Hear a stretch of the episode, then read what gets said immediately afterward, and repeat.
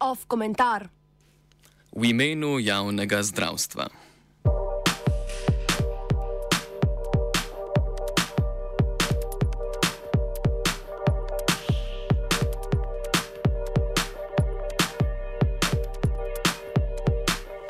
Zadnje čase vsa strokovna in nestrokovna javnost razpreda o krizi zdravstvenega sistema ter njenih morebitnih rešitvah.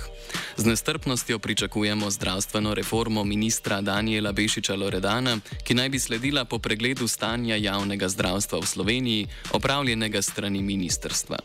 Najprej se minister namerava lotiti Zavoda za zdravstveno zavarovanje, javno zdravstvo pa bi pred kolapsom rešili s prenovo in digitalizacijo zavoda.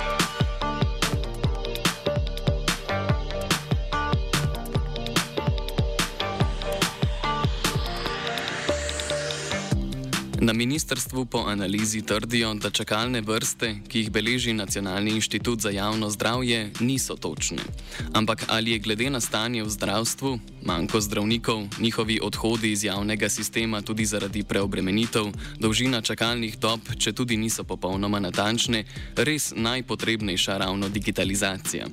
In ali je res ravno Zavod za zdravstveno zavarovanje, sicer glavni financer javnega zdravstva, kriv za odtekanje denarja iz zdravstva? Zdravstva, ki se po besedah Bešiča Loredana kaže v izgubah bolnišnic in preseških zdravstvenih domov ter lekarn. Premijer Robert Golop je po koalicijskem vrhu o zdravstvu zatrdil, da se brez nadzora po zdravstvenem sistemu pretaka na stotine milijonov in s tem namignil na korupcijo v zavodu. Ravno pri kazanju s prstom na Zavod za zdravstveno zavarovanje pa je treba biti nekoliko pazljivejši. Javno zdravstvo se financira iz prispevkov za zdravstveno zavarovanje, torej količina denarja ni kar neomejena, med stroške pa so všteti tako zdravstveni posegi kot plače medicinskega osebja. Izdatki so med epidemijo precej narasli, saj je med drugim zavod kriv tudi karantene zaradi COVID-a in vse ostale stroške povezane z epidemijo. Poleg tega je Zavod za zdravstveno zavarovanje kot javni zavod dolžan svoje izdatke prijavljati računskemu sodišču, torej je bolj transparenten od zavarovalnic, ki razpolagajo z javnim denarjem.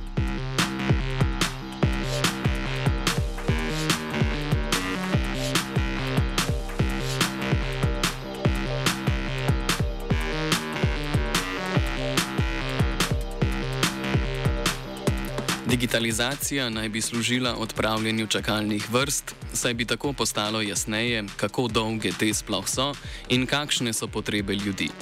Tak ukrep je seveda potreben, a morda bi vrstni red prioritet lahko bil drugačen.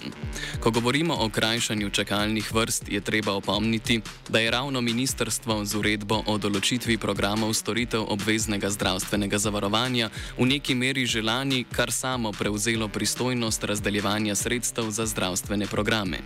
O razdelitvi so se prej dogovarjali deležniki v sklopu vsakoletnih splošnih dogovorov. Na mesto splošnega dogovora je vlada tudi letos izdala uredbo, v njej pa spremenila vrednost SPP točk oziroma vrednost zdravstvenih storitev, iz katerih sta plačana tako zaposleni kot storitev. Za isto delo zdravstvene ustanove letos dobijo manj. Če povrnjena sredstva ne pokrijejo vseh stroškov, se bodo tudi zdravstvene ustanove prej odločale za zmanjšanje števila programov, ki bi jih sicer zdravniki lahko izvajali, s tem pa se čakalne dobe podaljšujejo. Kako bo pri tem pomagala digitalizacija zavoda?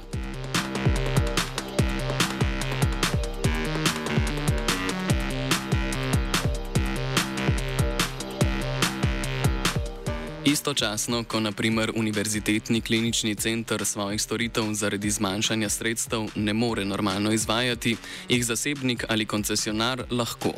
Če ministrstvo med svoje prioritete ne postavi omejitev oziroma izboljšanja izvajanja pogojev za koncesionarje, ob tem pa spreminja obračun zdravstvenih storitev, so prioritete zdravstvene reforme v najboljšem primeru prazne, v najslabšem pa kar voda na mlin ravno koncesionarjem in zasebnikom, ki bodo svoje storitve nemoteno opravljali dalje.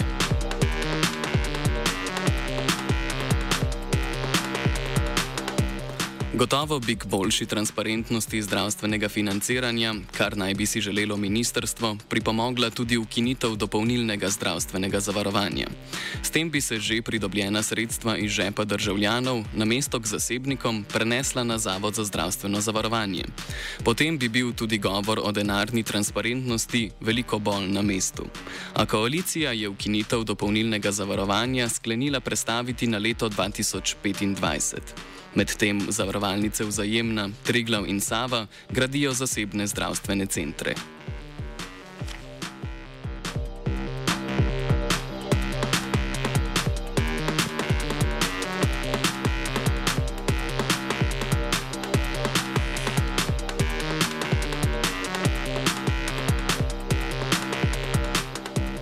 Če gre ministru Bešiču Loredanu res za javno zdravstvo, zakaj potem takem ne izkoristi trenutne podpore stroke in javnosti, kot je naprimer glas ljudstva, pri postavljanju pogojev koncesionarjem ter zdravstvenim lobijem ne stopi na prste?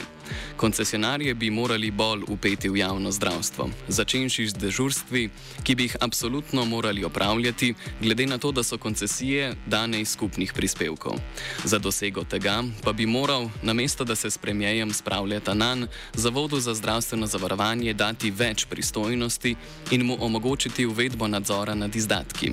S tem bi uvedli neke vrste inšpekcijo, ki bi prejemnike sredstev nadzorovala pri pogojih dela, uporabljenih materijalih in zdravstveni oskrbi, torej tam, kjer je najlažje vrčevati.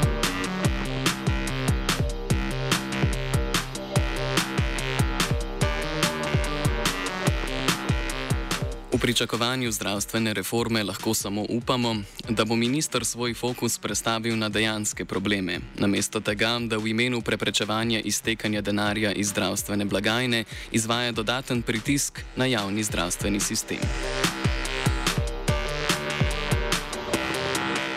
Komentirala je Zala. Oh. Oh. Oh. Oh. Oh. Oh. Off komentar.